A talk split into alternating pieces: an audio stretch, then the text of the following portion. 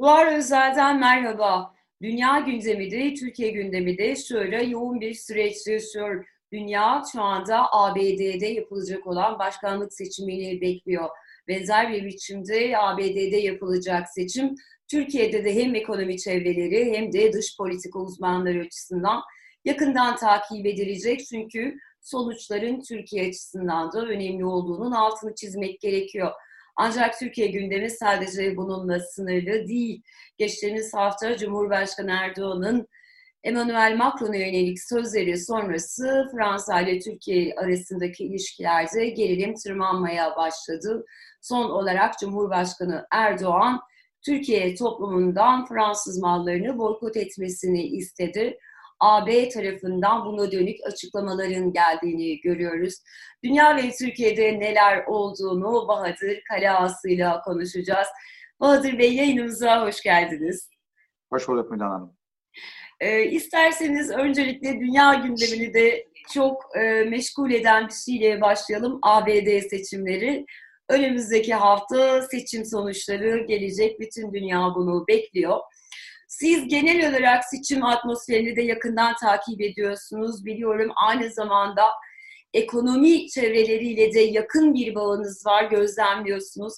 Bu süreci genel olarak ABD seçimlerindeki kampanyalar, söylemler nasıl değerlendirirsiniz? Çok önemli e, bir seçim. E, demek tabii bazen çok bariz oluyor. Her e, Amerika Birleşik Devletleri başkanlık seçimi o dönemki dünya konjonktürünü doğrudan ilgilendirir.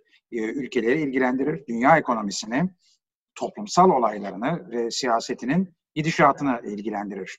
Ki bu aslında dünyanın en eski demokrasilerinden biri. Oturmuş kurumları, sistemleri var. Belli bir ortak politikalar birikimi üzerine bir siyaset yarışının olduğu bir ülkeden bahsediyoruz. Yani birisi başkan olup aniden bambaşka bir Amerika Birleşik Devletleri milli menfaati tanımlayıp bambaşka siyaset araçlarını devreye sokmuyor. Du genelde ama son Trump döneminde biraz daha farklı oldu. O ortak paydanın dışına çıkan çok politikaları oldu. Trump'ın dolayısıyla öngörülebilirlik açısından da Amerika Birleşik Devletleri daha bulanık bir görüntüye geldi. Ama sorunuzun yanıtları olarak yani en önemlisi yani bir Amerika Birleşik Devletleri dünyanın en önemli güç gücü olmaya devam ediyor. Yegane değil, bir hegemonya değil, tek başına hiçbir şeye tek karar verip yön veremez ama en önemlisi olmaya devam ediyor. Ekonomi olarak, finans olarak, teknoloji olarak, askeri güç olarak. Bütün bunlarda iki önemli bir e, rekabet içinde. Hem siyasi etkisi açısından hem dünya ticaretindeki payı açısından ona kurallar, standartlar getirebilmesi açısından e, Avrupa Birliği'ne olan ihtiyacı devam etmekte. Çünkü Avrupa Birliği asıl standartları dünyaya dayatabilen, dünya ile en çok e, ticaret ve ekonomi anlaşması olan taraf. Japonya yine o geniş batının içinde yer alan bir ülke. E, Güney Kore, Meksika bunlar hep o geniş batı. Yani Kanada ile Kuzey Amerika, Avrupa, işte Asya'daki e, demokrasi ve piyasa ekonomisi olan ülkeler, yavaş yavaş Güney Amerika'da sistemlerini oturtmaya başlayan ülkeler, bütün bunlara ihtiyacı olmaya devam ediyor Amerika Birleşik Devletleri'nin dünyada etkili olabilmesi için. Çok ciddi bir teknolojik rekabet var. Bunun bir kısmına rekabeti ama yarış demek gerekir. İşte ta Mars'a kadar e, uzay teknolojilerine kadar giden bir taraf ama işte kuantum bilgisayarı gibi konulardan tutun içinden geçmekte olduğumuz e, pandemi döneminin getireceği, dayattığı yeni e, araştırmalara kadar yani aşı veya ilaç ötesinde bundan sonraki pandemilerle ilgili olarak da e, sağlık bilimlerinin, teknolojilerinin e, nereye gideceği konusunda e, çok önemli e, araştırmalar ve buna yatırılan e, fonlar var. Dolayısıyla üçüncü etken e, içinden geçmekte olduğumuz e, pandemi dönemi nasıl bir dünyaya doğru bizi götürüyor? E, güvenlik ile özgürlükler arasındaki denge nerede olacak? Bireylerin devletle ilişkisi nerede olacak? Devletler nereye daha çok para harcayacaklar? Sağlık hizmetlerine mi? Eğitime mi? iklim değişikliği konularının maliyetini mi yüklenecekler? İşte bütün bunlar aslında bugün içine girdiğimiz Amerika Birleşik Devletleri'ndeki seçim döneminin sonuçlarıyla da belirlenecek, şekillenecek konular. Zira Trump Amerika Birleşik Devletleri'ni dünyadan daha da çok çekecek. Çin ile kaçınılmaz olan ticaret çatışmasını savaşa dönüştürebilecek, transatlantik anlaşma sürecini iyice çökertecek yani AB ile ABD'nin daha bir ortak ekonomik alan yaratma sürecini zaten durdurmuş, iyice çökertecek. Transpasifik ortamda e, Avrupa Amerika'yı daha da yalnızlaştıracak. Dolayısıyla zaten başlamış olan işte Japonya, Güney Kore, Güneydoğu Asya gibi ülkelerin Avrupa ile yakınlaşması e, ve Çin'e karşı daha dik durabilmelerini sağlayacak olan dinamikleri daha da e, kendi haline bırakacak. E, ve e, Paris İklim Değişikliği Anlaşması'nı zaten durdurmuştu tamamen e, Amerika Birleşik Devletleri açısından sabote edecek e, bir eğilime e, girebilir. E, ayrıca toplum içinde tabii e, muhafazakar eğilimleri e, çoğaltmaya çalışabilir. Yani Trump'ın e, şu ana kadarki müktesebatı bundan sonrasına böyle ışık tutuyor. Tabii burada çok önemli bir noktayı da belki söyleyerek toparlamak gerekir bu genel çerçeveyi. Amerika Birleşik Devletleri toplumu çok daha farklı bir yönde. Çünkü Amerika Birleşik Devletleri'ndeki seçimler şöyle olmuyor yani Fransa'da veya Türkiye'de olduğu gibi seçim gecesi kim daha çok oy aldıysa o başkan olmuyor. Son yıllarda e, özellikle Cumhuriyetçi kesimde bu bir kere oldu. E, herkes oy, oy alıyor ama genelde demokrat adaylar daha çok oy alıyor son 20 yıla baktığımızda. E, fakat o başkan olmuyor çünkü o oylar önce eyalet düzeyinde sayılıp kim o eyalette birazcık bir, bir oy bile fazla aldıysa o eyaletin tüm büyük delegelerini alıyor. O büyük delegelerin de kendine has bir bilançosu var. İşte 270 tane alan başkan oluyor. Dolayısıyla o oran bozulabiliyor. Trump'ta bu tarihsel olarak bozuldu. Çünkü Hillary Clinton 2,5 milyon oydan daha fazla fark atmıştı. Buna rağmen işte bazı salınacak eyaletler denen yerlerde Trump birazcık daha oy alaraktan e, seçimi aslında kaybettiği halde yani halkın halk oylamasını kaybettiği halde o a, ara katmanda e, kendisine bir başkanlık yolu bulmuştu. Dolayısıyla bütün bunlar oluyorken Amerika Birleşik Devletleri'nin toplumu da değişiyor. Ve o değişim her zaman dünyayı etkiler. E, çevre konularının, sosyal konuların daha ön plana çıktığı bir Amerikan toplumu profili de oluşmakta. Etnik konuların çatışma ile işte çoğulcu bir toplum ideali arasında gidip geldiği bir yapıda oluşmakta. Anladım. Çok teşekkür ediyoruz. Hem bu sürecin genel dinamiklerini hem ABD'nin dünyadaki e, konumuna dair vermiş olduğunuz bilgiler için e, tahminimce izleyicilerin merak ettiği e, bir konu var. E, bu seçimler Türkiye'yi nasıl etkileyecek? E, hani iki isterseniz senaryo üzerinden gidersek Biden ve Trump'tan herhangi biri kazanırsa Türkiye ile ilişkiler kabaca tabii ki hani ne olabilir, nasıl bir seyir izler? Şimdi e, tabii yalın bir yaklaşımda Trump e, Amerika Birleşik Devletleri'ne toplumsal desteğin e, daha azına sahip olduğu halde kutuplaştırıcı söylemiyle e, başkan olursa e, Amerika Birleşik Devletleri için iyi olmaz. E, yani kişilik olarak da birikim olarak da e, bu konuda e, oldukça te, riskli e, bir şahsiyet.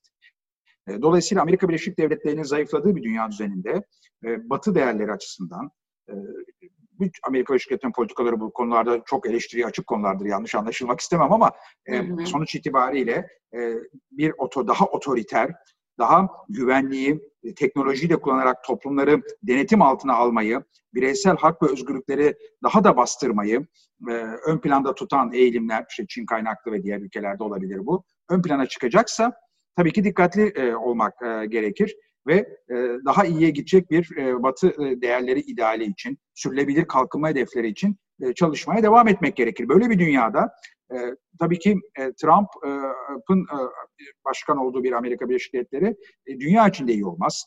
Transatlantik ortak için de iyi olmaz. Türkiye'nin de çok derin milli menfaatlerinin ve askeri konular dahil olmak üzere e, tüm milli fayda konularının bağlı olduğu o Avrupa Birliği ve ABD'den e, oluşan, Avrupa daha doğrusu geniş olarak Avrupa ve, ve Kuzey Amerika'dan oluşan o transatlantik ortaklık tamamen zayıflar.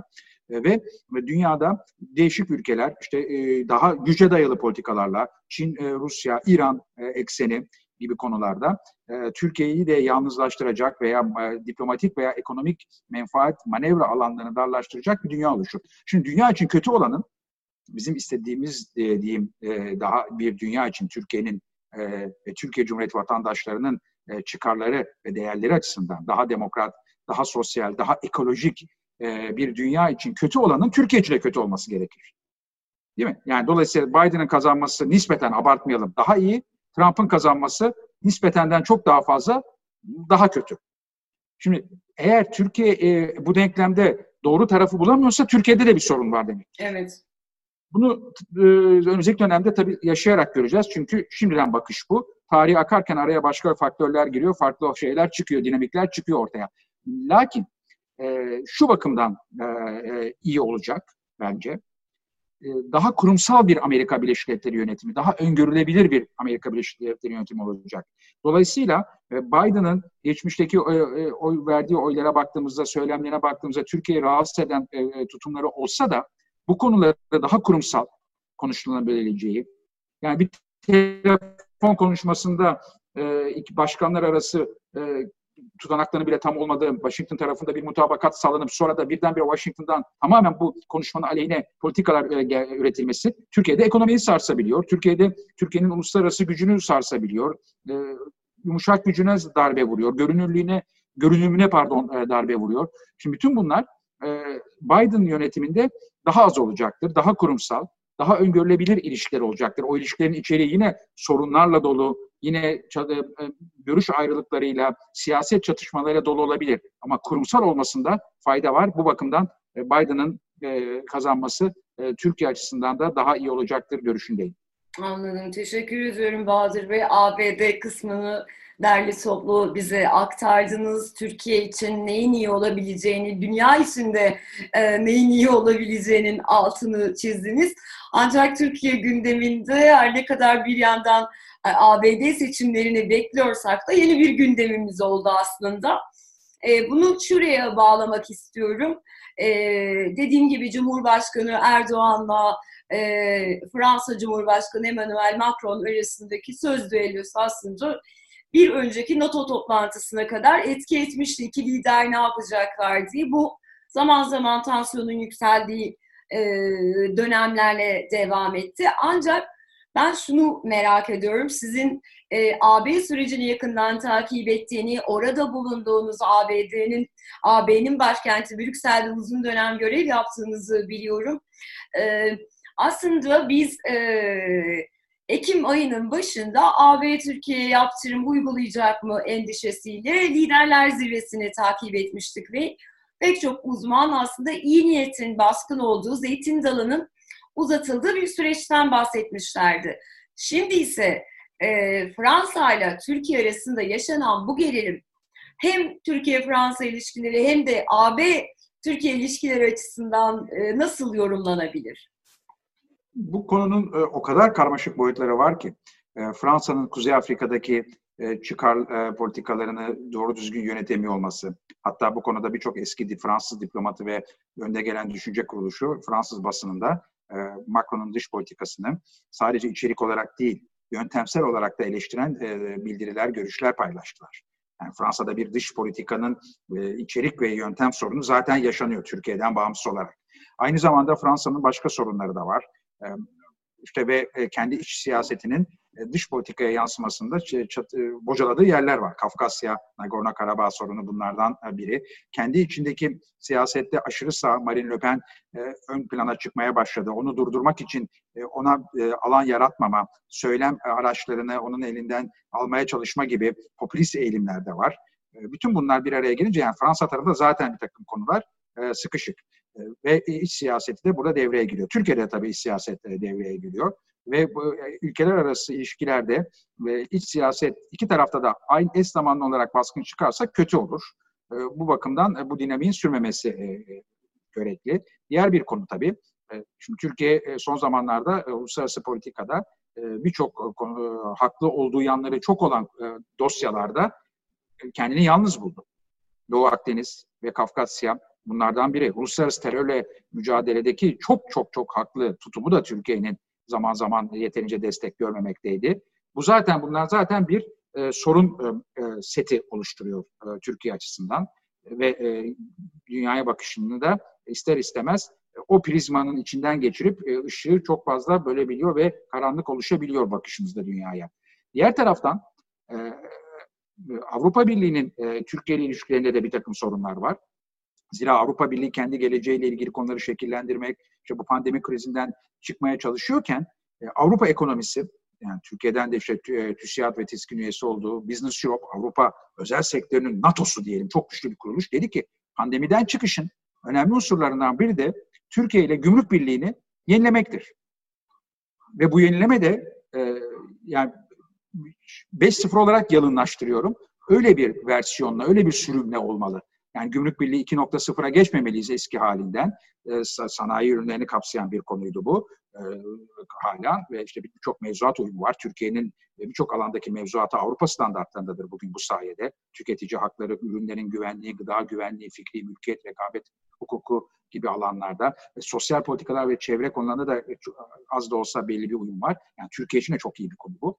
E, bunu yenilerken e, bir dijital Avrupa e, ekonomisini, tek pazarını, ayrıca Avrupa'nın yeşil anlaşmasını yani artık e, iklim değişikliği e, denen en büyük virüs ile, karbondioksit virüsüyle, en ciddi virüs ile e, dünyanın e, mücadelesinde e, toplumlar için de iyi olacak ve ekonomik açıdan da yeni teknolojilerle, yeni enerji teknolojileri, yeni diğer tüm alanlardaki teknolojilerle çok daha aslında verimli de olabilecek maliyetinden ötesinde bir yeni bir e, ekonomik ortama geçiş politikaları var Avrupa Birliği'nin. Dolayısıyla e, onu da dikkate alaraktan daha derin, daha dijital, daha yeşil bir AB-Türkiye ilişkileri gündemi çerçevesi oluşturmak mümkün. Yani bir e, Avrupa, e, Türkiye Avrupa 5.0 mantığıyla e, gitmek mümkün. Avrupa'da da bu e, görüş çok giderek önem kazanmışken, bakın ne oldu biliyor musunuz? Çok ciddi bir yani tarihin akışında hiç olmayacak bir şey oldu. Her iki tarafında ekonomik çıkarları belli bir yere doğru götürüyorken siyaset bunu birdenbire durdurdu. Şimdi bu hiç normal değil. Yani gerçekten normal değil. Çünkü iki taraf da kaybediyor. Evet. Yani bugün Fransa'daki aklı başındaki herkes şu anki çatışmada Fransa'nın kaybettiğini söylüyor. Ekonomik olarak, e, dünyadaki sosyal konumu olarak, dünyanın diğer ülkeleriyle ilişkisi olarak sırf Türkiye ile değil.